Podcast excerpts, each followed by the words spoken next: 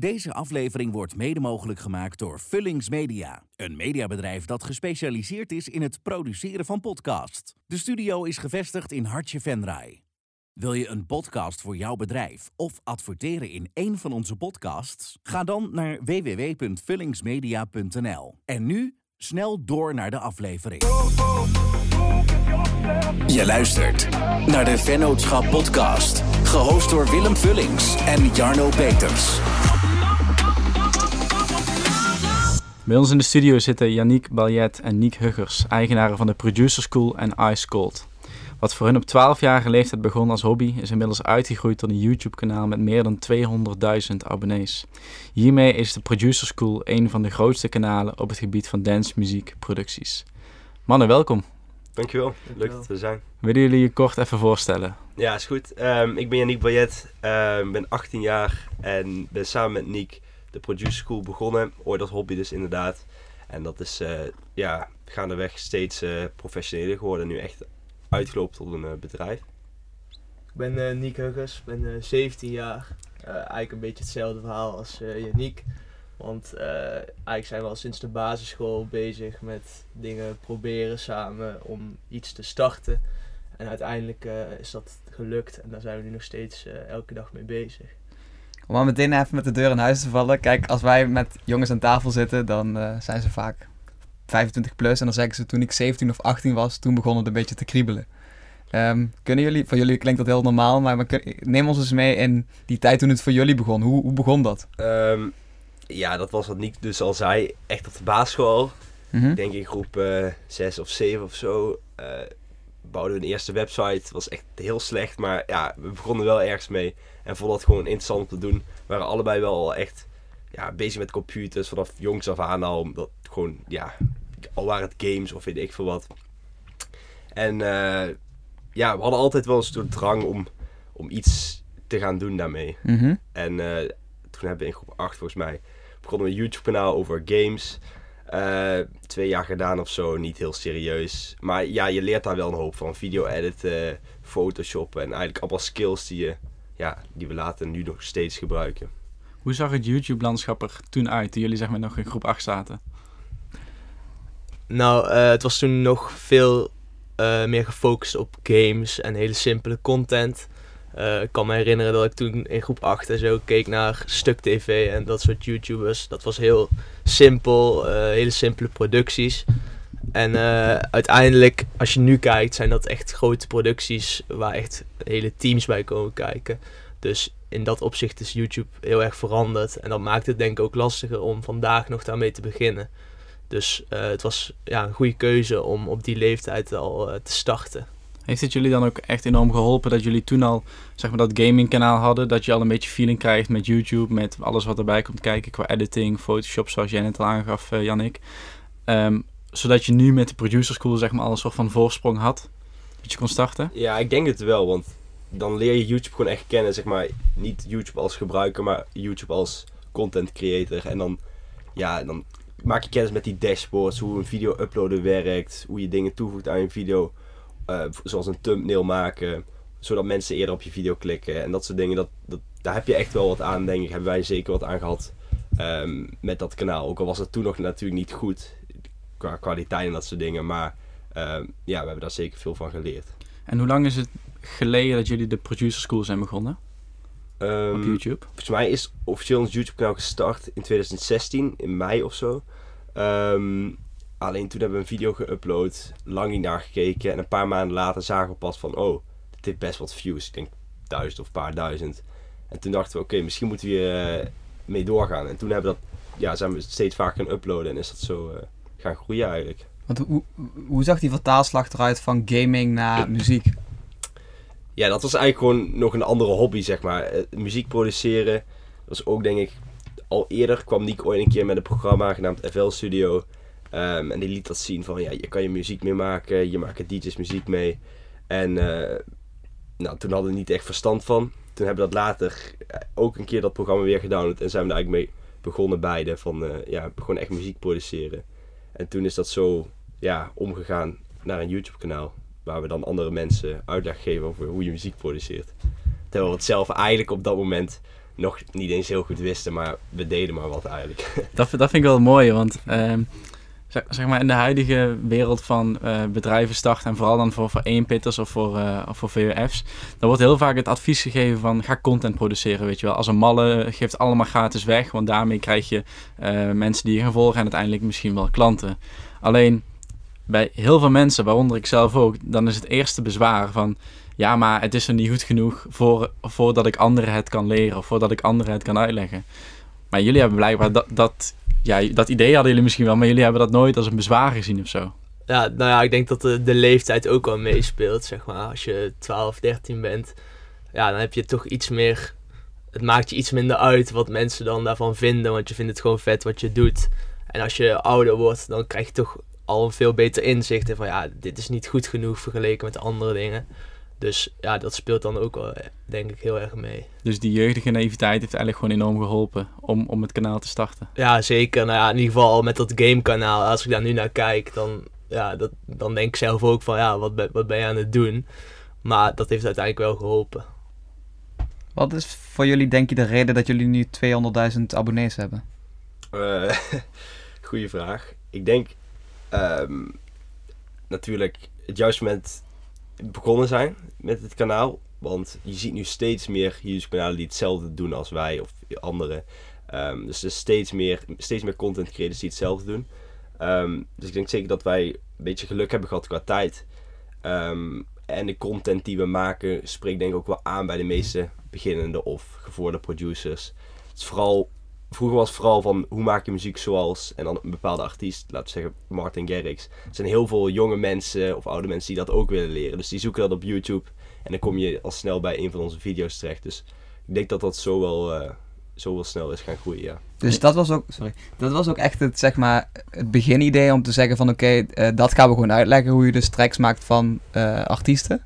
Ja, eigenlijk wel. Gewoon in de stijl van. Dus niet precies een, een remake van een track. Dat zie je ook veel op YouTube. Maar gewoon in de stijl. Dus eigenlijk met dezelfde geluiden. Iets eh, wat heel erg op lijkt produceren. Zodat mensen kunnen zien van, oh, ik kan dat ook doen. Waren jullie in die tijd ook alleen maar bezig met het maken van nieuwe video's? Of was je daarnaast nog met een hele hoop andere dingen bezig binnen het produceren? Nou ja, eh, toen we begonnen met het uploaden, toen waren we eigenlijk nog bezig om het echt te leren. Dat zijn we nog steeds, maar toen echt in de beginfase.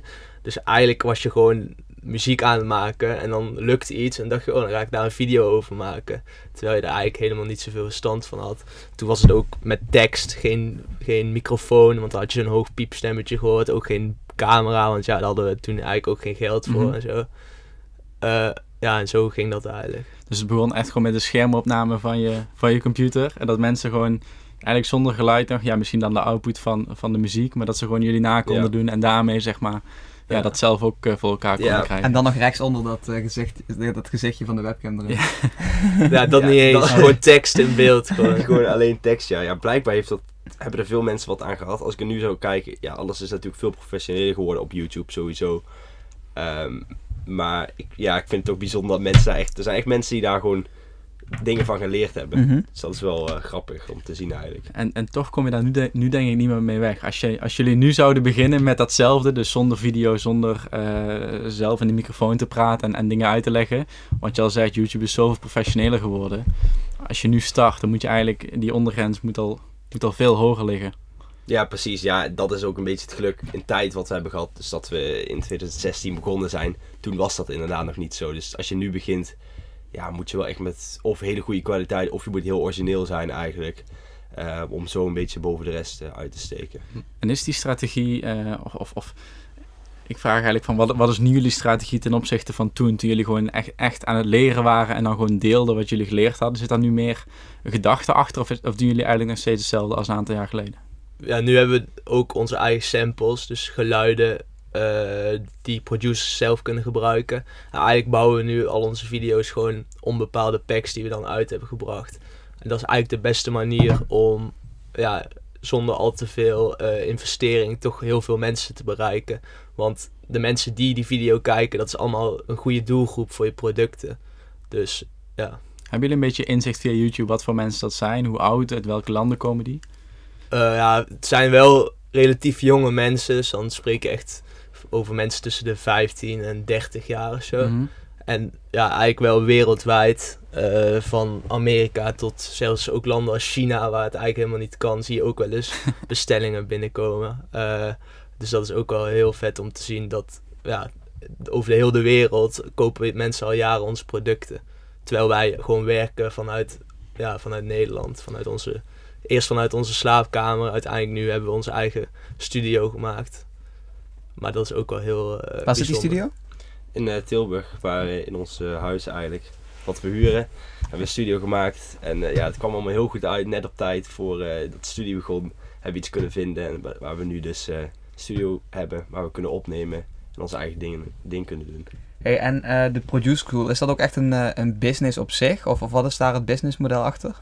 Ja, ehm, het YouTube-kanaal was eerst niet echt een business. Het was gewoon een YouTube-kanaal. Maar ehm, toen zijn we in 2018 begonnen met het verkopen van sample packs. En dat zijn eigenlijk gewoon digitale pakketten die andere producers kunnen gebru- gebruiken. ehm, waar dus geluiden in zitten. En dat kan een heel simpel geluid zijn, zoals een klep, zoals dit. Of iets gemaakt met een digitale synthesizer. Ehm, en dat zijn we toen begon, begonnen met die packs te verkopen. En dat is nu wel echt ons, eh, ja, onze core business. Dus ons echte businessmodel, het verkopen van die, eh, van die packs. Hoe is dat idee ontstaan van het verkopen, of- of het eer- eerst het creëren, samenstellen en het verkopen van die packs? Nou ja, we hadden contact met een Amerikaanse YouTuber uit eh, Los Angeles. En die zei van, jongens, eh, ik heb een idee of een business voor jullie, wat ik zelf ook doe. Eh, hij was toen best groot, wij keken best op tegen hem. Inmiddels hebben we met hem gewerkt, dus nu ligt dat heel anders. Maar op dat moment zei hij van, zullen we een keertje bellen? En het was zo van, oh, eh, hij wil met ons bellen. Toen zei hij van, ja, je kan daar gemakkelijk heel veel geld mee verdienen. eh, en ja, dus het is eigenlijk een heel simpel concept. Want ook jullie kunnen dat, ik doe dat ook. Je kan het vanuit thuis doen. En toen zijn we daar eigenlijk mee begonnen. En sindsdien daar niet meer mee gestopt. En is het eigenlijk alleen maar gegroeid. Hoe is dat contact dan met die, eh, met die producer uit LA ontstaan? Heb je dat, heb je dat, je daar zelf achteraan gegaan? Eh, in het begin heeft hij ons, een keer toen wij nog redelijk klein waren, heeft hij ons benaderd of wij iets van hem wilden promoten, zeg maar. Maar uiteindelijk werden wij ook groter. eh, en toen zocht hij ook contact voor een samenwerking. Toen heeft hij in het begin ook samples gemaakt voor ons, die wij dan hebben verkocht.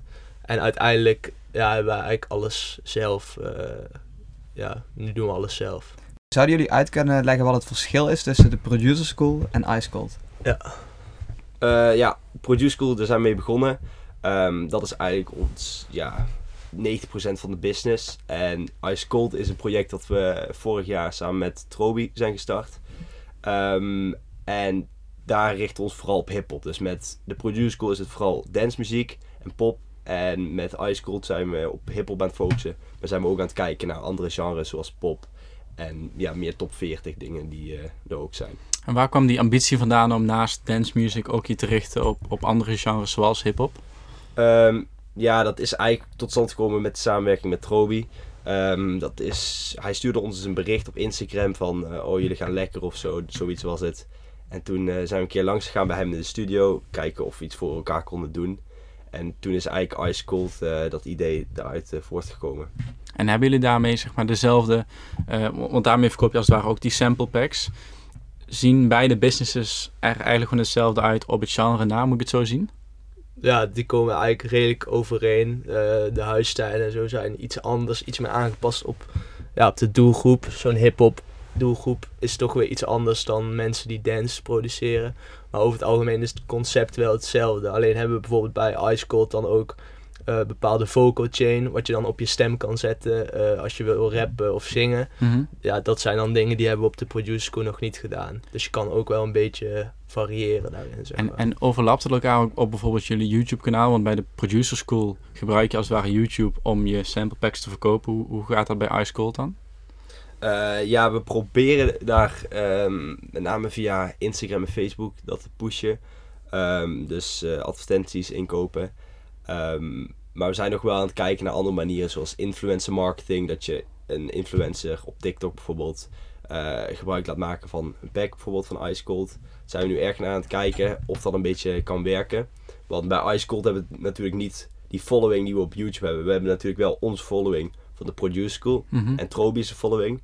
Maar ehm, onze doelgroep van de Produce School, die, dat zijn allemaal dance producers. Of vooral dance producers. Eh, dus dat is eigenlijk weer een andere doelgroep. En om dat samen te krijgen, dat is wel, eh, ja, nog eh, een beetje kijken hoe dat moet. Ja, ik ben wel benieuwd ehm, ehm, hoe je dat nou echt praktisch maakt. Hoe maak je zo'n sample pack?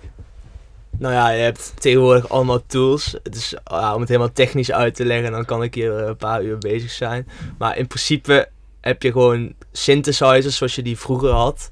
Eh, een Juno of een Moog of ja, noem het maar op. Die heb je dan op een digitale versie. En tegenwoordig heb je dan Serum, zoals dat heet. En daar kun je echt eigenlijk elk geluid mee maken. Je kan er zelfs vogeltjes mee maken en zo. Dat, alles kan je namaken met bepaalde eh, geluiden binnen die synth. En daarna kan je er weer allemaal effecten op gooien om er weer een nieuw geluid van te maken. En je kan het leren met nieuwe geluiden. En op die manier ja, creëer je eigenlijk steeds een nieuw geluid. Is het, is het een continu proces van nieuwe sample packs ontwikkelen? Of hebben jullie gewoon een vaste set aan, aan packs en, en daarmee doen jullie bijvoorbeeld 1, 2 jaar? Nee, het is wel echt eh, een continu proces. Ieder, voor iedere pack hebben we weer een andere stijl of genre. En dat betekent ook dat er andere samples bij horen. Natuurlijk zijn binnen de dancemuziek zijn het veel al dezelfde soort geluiden, maar toch heeft iedere, ja, dat sub, een subgenre noem je dat, heeft er zeg maar een apart geluid. En dat proberen we zo goed mogelijk in iedere pack te maken en eh, te sound designen, zoals dat heet. En hoe zorg je ervoor dat jullie packs uniek zijn en uniek blijven ten opzichte van andere producers in de wereld?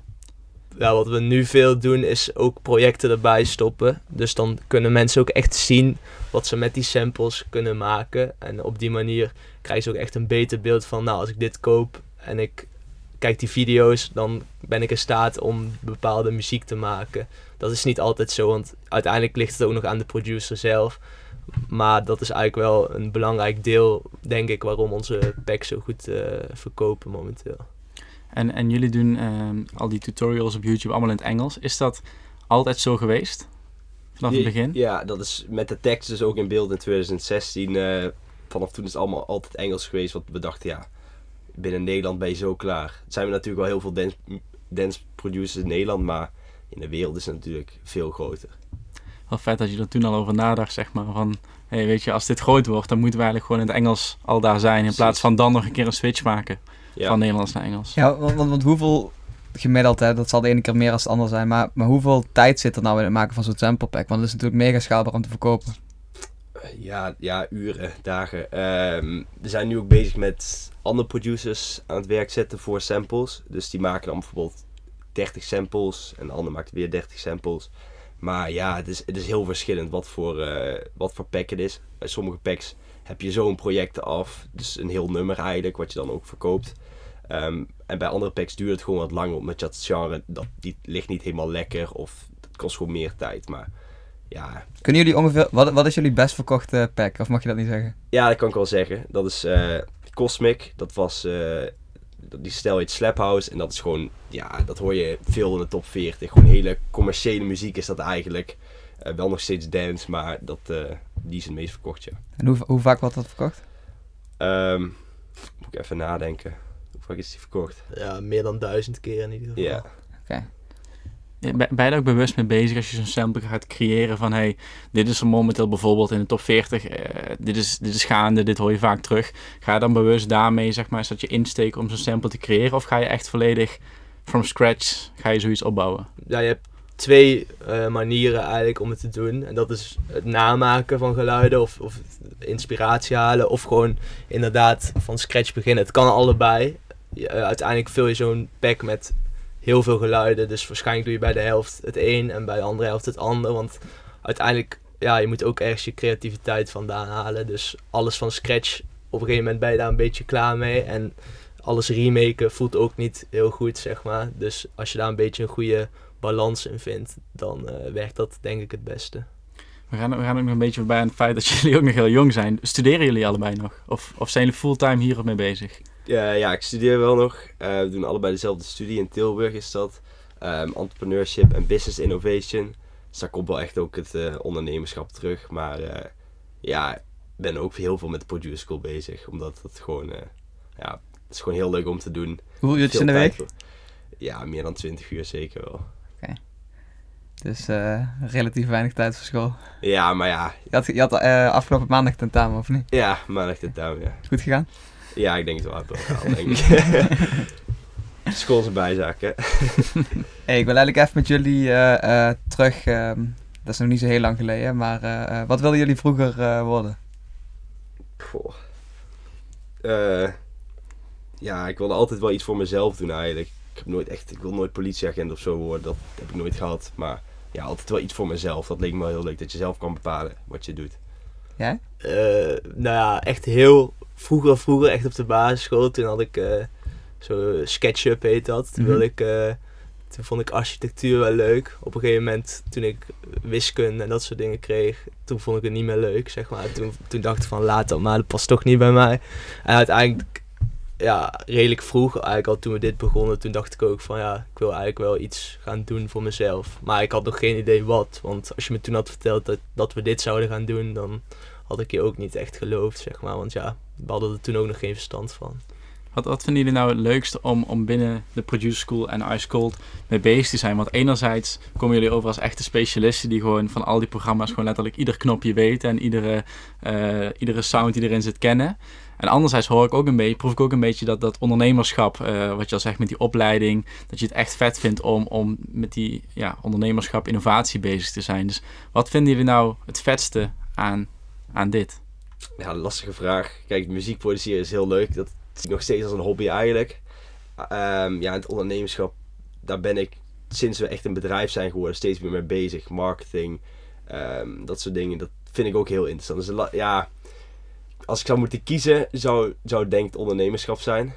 Maar ja, muziek produceren blijf ik denk ik heel, heel mijn leven doen. De combinatie is heel leuk, zeg maar. We maken muziek en daarmee gaan we ondernemen, zeg Mhm. maar. Dus dan doe je eigenlijk twee dingen die je leuk vindt. En dan blijft het ook een beetje bijzonder en uniek en zo.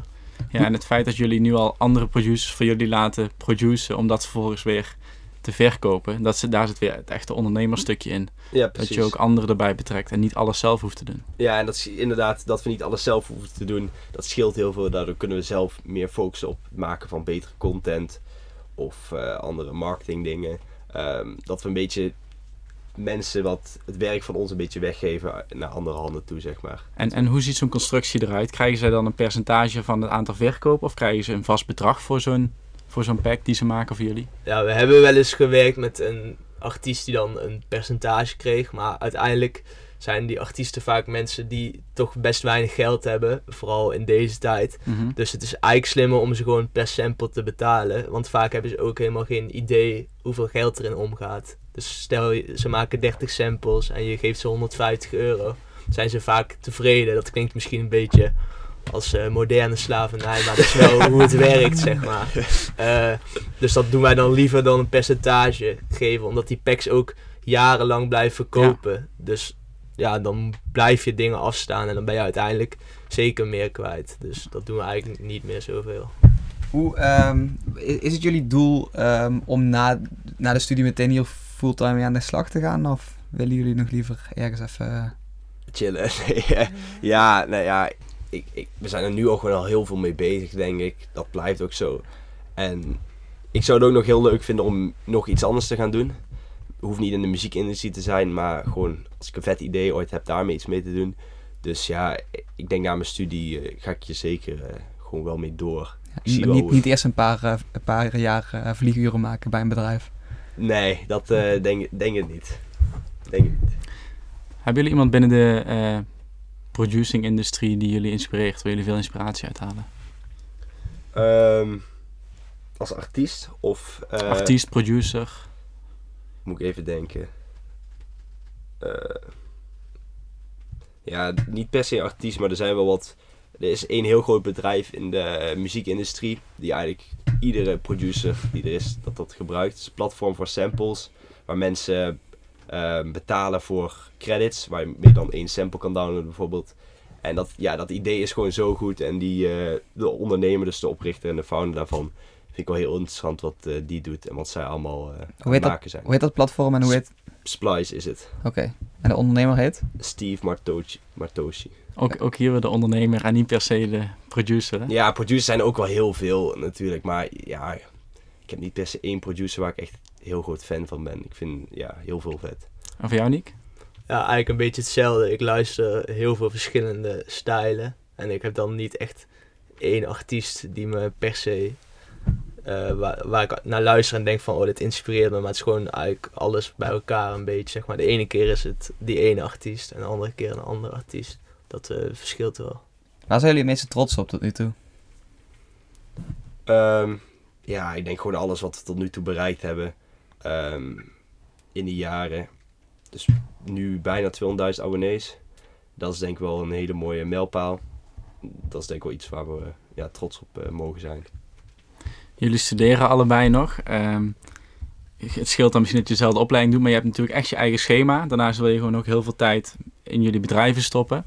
Hoe, hoe ziet zo'n week er voor jullie uit? Gaat het allemaal door elkaar heen? Of hebben jullie best wel een planning van oké, maandagochtend school, maandagmiddag producer school, eh, maandagavond, maandagnacht ook, bij wijze van. Hoe, hoe, hoe ziet dat eruit voor jullie? Ja, het hangt natuurlijk deels af van je schoolrooster. Want eh, in januari, nu hadden we eh, herkansingen. Dat was dan één in heel januari. Nou, dan heb je best veel tijd voor de onderneming.